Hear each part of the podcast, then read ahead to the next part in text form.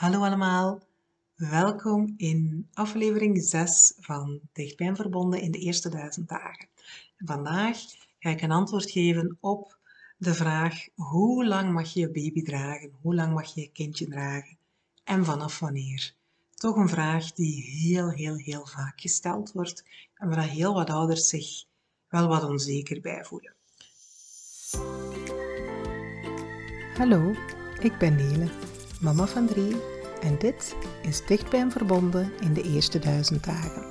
Een podcast over babydragen, babytaal en babyhandling.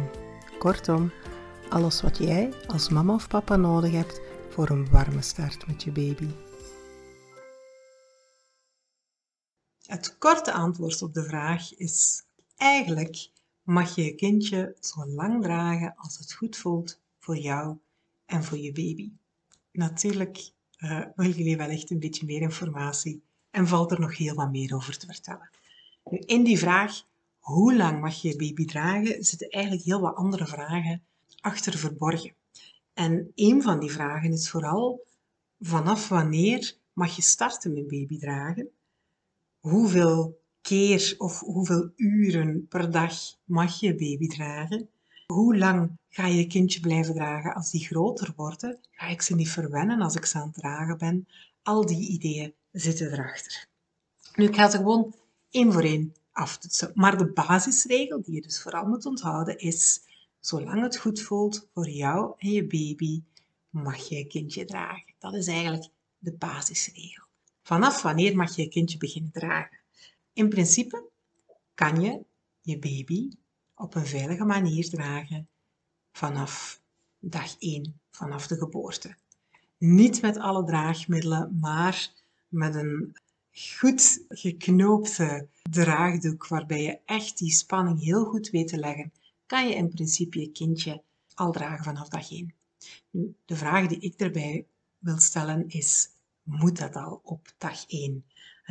Weet dat het eigenlijk in draagculturen uitzonderlijk is dat pasgeborenen al gedragen worden. Want in de traditionele draagculturen hebben ze ook heel wat rituelen of gewoontes rond de kraamtijd. En doorgaans betekent dat dat moeder en baby de eerste zes of acht weken, of soms zelfs langer, echt binnenblijven in een speciale hut of eerst in een slaapkamer of in een huis binnenblijven, dat de vrouwen van de familie, de mensen uit de buurt, alle familieleden eigenlijk mee zorg gaan dragen, mee gaan ondersteunen, zodat die eerste periode van ja, ontzwangeren uh, voor de moeder, die periode waarin de borstvoeding op gang komt en ook die periode voor dat kindje om te wennen aan die nieuwe grote vreemde wereld, dat die eigenlijk een stukje ondersteund is. En wanneer starten ze met dragen van zodra ze terug moeder en baby in de maatschappij komen. En doorgaans is dat pas rond acht weken. En dan wordt er vaak een heel ritueel, een afsluitritueel aan gekoppeld. En dan, afhankelijk van de cultuur waarin we ons bevinden, gaat de baby op de heup of op de rug. Ja? Maar dat is dus een baby van 8 tot 10 weken. Een baby van 8 tot 10 weken en een pasgeborene is eigenlijk dag en nacht verschil. Het is heel typisch in onze cultuur om net die jonge baby's aan te gaan dragen. En hoe komt dat eigenlijk? Dat komt omdat bij ons dragen terug is ja, beginnen opleven, is geïntroduceerd rond de jaren 70. En dat kwam eigenlijk gelijk op met het ideeëngoed van attachment parenting. En daarom is er bij ons een stukje de gewoonte om al hele jonge baby's te gaan dragen. Het is belangrijk gewoon om te weten dat een pasgeborene echt wat anders is. Die pasgeborene, je moet je dat gewoon een keer proberen voorstellen. Die heeft net negen maanden in de baarmoeder doorgebracht, waar die knus en warm, heel beschut zat, waar die zelf niet moest ademen, waar die zelf niet moest eten, waar die geen last had van de zwaartekracht, waar die eigenlijk kon rondbuitelen en kon bewegen. En ineens wordt dat babytje geboren. En ineens valt letterlijk die zwaartekracht daarop. En moet zo'n babytje zelf leren ademhalen, moet hij zelf leren drinken, moet hij leren zuigen, moet hij voedsel beginnen verteren, Uh, moet hij ineens zijn eigen temperatuur beginnen leren reguleren?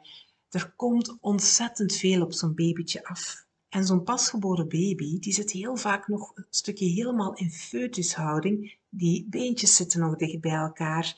Die hebben nog veel minder spierspanning. En dat heeft allemaal een effect op het dragen in een draagzak op een doek. Dus het advies dat ik meestal geef aan ouders is kijk naar je kindje en voel wanneer dat die een nood heeft om gedragen te worden, want dat is heel verschillend van baby tot baby.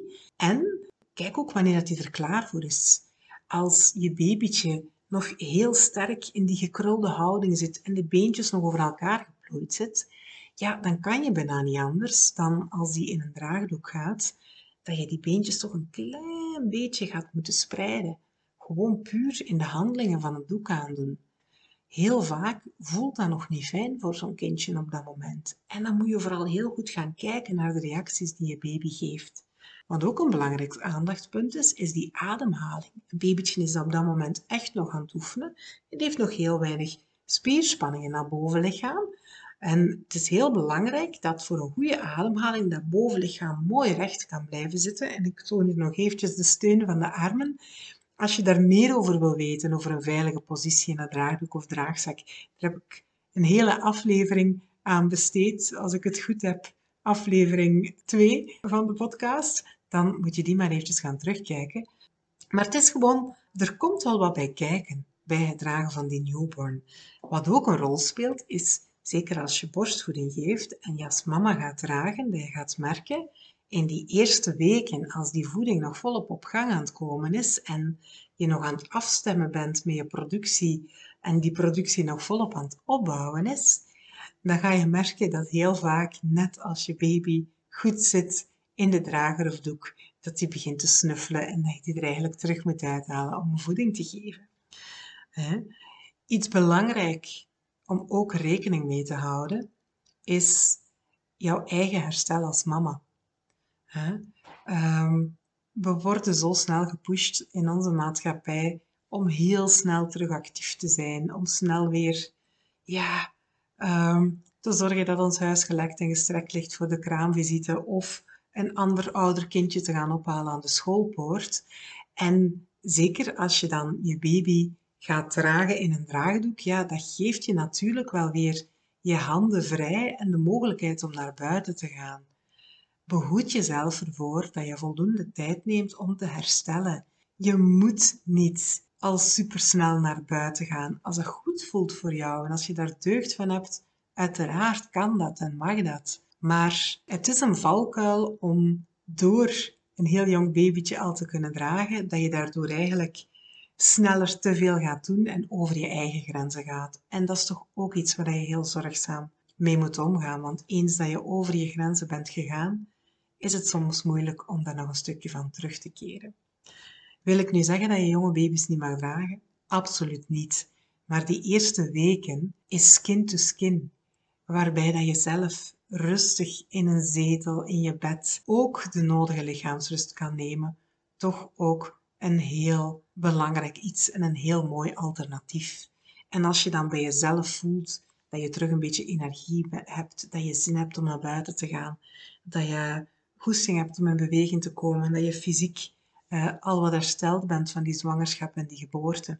En als je ziet bij je babytje en voelt dat hij al een klein beetje ontplooid is, dat hij al wat gewend is aan die nieuwe wereld en dat hij behoefte of nood heeft om veel dicht bij jou in beweging gebracht te worden, dan is het het ideale moment om te starten. Doorgaans is dat ergens in die periode van die eerste zes weken na de geboorte en je voelt het als mama of papa best wel goed zelf aan. Mijn absolute advies hierin is, als je jonge baby wil gaan dragen, zorg ervoor dat je indien mogelijk prenataal al een draagbegeleiding hebt gehad, zodat je dat eerste leerproces, die eerste oefening al in je vingers hebt, en zodat je als je start met je eigen kindje, je volop kan kijken naar de reacties van je kindje en je daarop een stukje kan afstemmen. In de draagbegeleidingen die ik doe, hoort dat eigenlijk altijd samen, dat we een stukje prenataal doen, als het uiteraard nog kan, hè, en dat we dan eigenlijk een tweede stukje doen als je de eerste keer met je eigen kindje draagt, zodat we op beide kunnen, uh, kunnen focussen en dat je bij beide eigenlijk hulp en feedback krijgt, zodat ja, je echt uh, met goed gevoel en vol zelfvertrouwen kan dragen. Dat was een stukje mijn antwoord op de vraag vanaf wanneer kan ik starten met dragen? De tweede vraag is dan, hoe lang mag ik mijn kindje dragen? Hoeveel uren per dag? Kan ik het te veel dragen? Kan ik het te weinig dragen? Wat is goed? Ook daar weer, het eerste duidelijke antwoord is eigenlijk, voel bij jezelf, kijk naar je baby en zolang het goed voelt voor beide, is het oké. Nu, wat betekent dat doorgaans in de praktijk? Hoe vaak iemand gaat dragen is ja, heel erg persoonlijk. Kijken we terug eventjes naar die typische draagculturen, dan zien we dat daar baby's eigenlijk de hele dag doorgedragen worden. Dus je moet niet bang zijn dat je je kindje te veel draagt. Eigenlijk kan dat niet. Zolang het goed voelt voor jou, goed voor je baby, is het helemaal oké. Dus uh, wat is eigenlijk een, een, een fijn tempo op te dragen of een, een, fijn, een fijne frequentie? Is doorgaans, zeker een jonge baby, die gaat uh, een, een dutje doen. Als die wakker wordt, heeft hij doorgaans honger, gaat hij gevoed worden. En in het momentje daarna, wanneer die nog wakker alert is, dan is het moment om je baby in je draagdoek of draagzak te doen. En doorgaans ga je voelen dat zo'n jonge baby heel snel terug tot rust gaat komen en in slaap gaat vallen binnen in die draagdoek en draagzak. En dan is het helemaal oké en ook heel logisch dat je het volledig slaapmomentje, het volledig dutje, in de draagdoek of draagzak laat, zak laat doorgaan. En als die terug wakker wordt, is die toe aan een volgende voeding. Het is uh, ja, eigenlijk heel mooi om een volledig slaapmoment in de draagdoek of draagzak te laten doorgaan. En er is ook al heel fijn onderzoek naar dat uh, baby's die uh, slapen in het draagdoek of in de draagzak, terwijl dat de ouders in beweging zijn, dat die eigenlijk vaak een kwalitatievere slaap gaan hebben, wat een positief effect heeft op de nachtrust die ze s'nachts hebben. Dus draag jij één momentje per dag, draag je één momentje per week, draag je elke dag zes of acht uur. Het is allemaal oké, zolang het goed voelt voor jou. Kan je baby dat niet verwennen? Is een vraag die ook nog veel gesteld wordt. Ook daar, gelukkig, uh, komt er meer en meer onderzoek. En eigenlijk als we gaan terugkijken naar al het onderzoek dat de voorbije 20, 25 jaar is gedaan, is heel consistent en zegt telkens opnieuw en opnieuw: je kan je baby niet verwennen. Meer nog, dichtbij het lichaam van de mama of de papa zijn, die dat lichaamscontact voelen, die hartslag kunnen horen, is echt een basisnood van een jonge baby.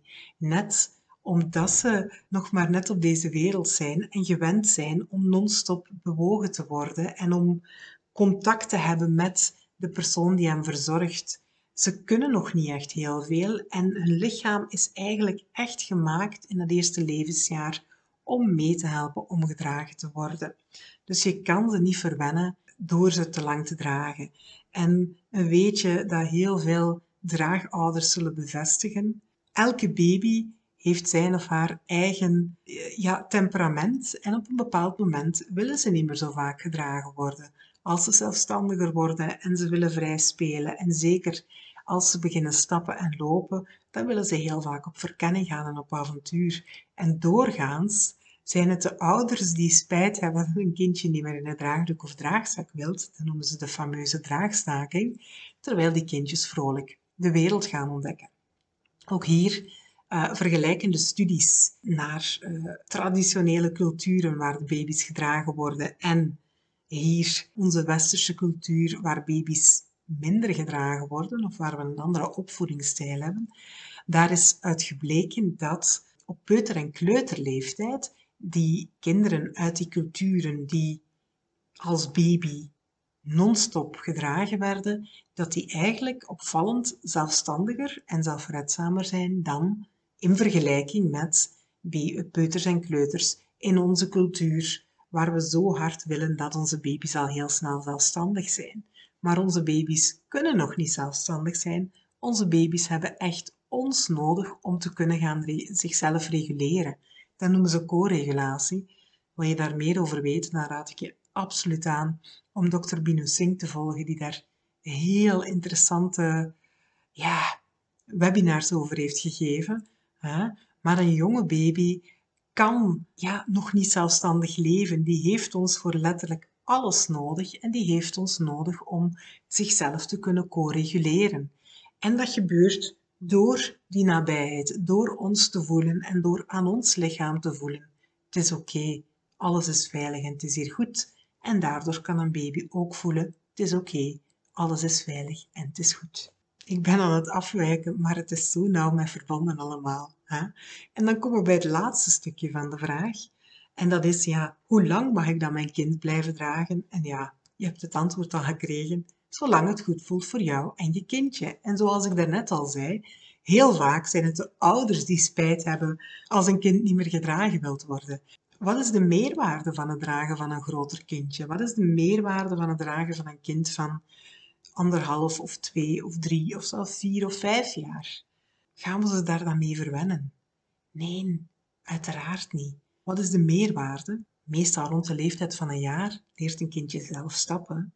Maar uiteraard is dat ook een proces dat oefening vraagt en met die korte beentjes stappen is ontzettend vermoeiend. Dus baby's op die leeftijd die net aan het stappen zijn en die aan het exploreren zijn, die hebben gewoon ook nood aan rustmomentjes om even energie bij te tanken om hun beentjes en hun lichaam even te laten rusten. Dat is puur het fysieke. Maar anderzijds merk je ook, en het is ook een thema dat heel erg in de media is uh, de laatste maanden. De meeste baby's gaan naar de opvang, gaan naar de crash of als ze groter zijn naar de kleuterschool.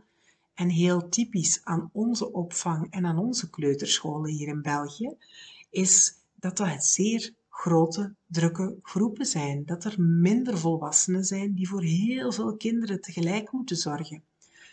Ik weet niet of je zelf al een keer in zo'n opvangruimte bent geweest of gewoon in een kleuterklas een uurtje of twee bent gaan meedoen, maar puur het lawaai van al die kleine kleuterstemmetjes is ontzettend overweldigend en luid. Er zijn ontzettend veel prikkels die de hele dag door op onze kindjes afkomen. Dus als je dan s'avonds hen gaat afhalen, is het heel logisch dat ze even dicht bij jou willen zijn. Want ze hebben het gewoon nodig om te ontprikkelen. En op welk plekje kunnen ze het best ontprikkelen? Dicht bij jou, want jij bent een veilige basis. Nu natuurlijk is dat niet altijd zo praktisch als je het s'avonds thuis komt en uw baby of peuter of kleuter wil de hele tijd dicht bij jou aan je been hangen, omdat hij jou eigenlijk nodig heeft om eventjes te ontladen. En dan is het zo praktisch dat je een draagmomentje kan inbouwen. En wie weet kan je de, uh, het grote kindje even op je rug pakken en een wandelingetje gaan doen en samen ontprikkelen.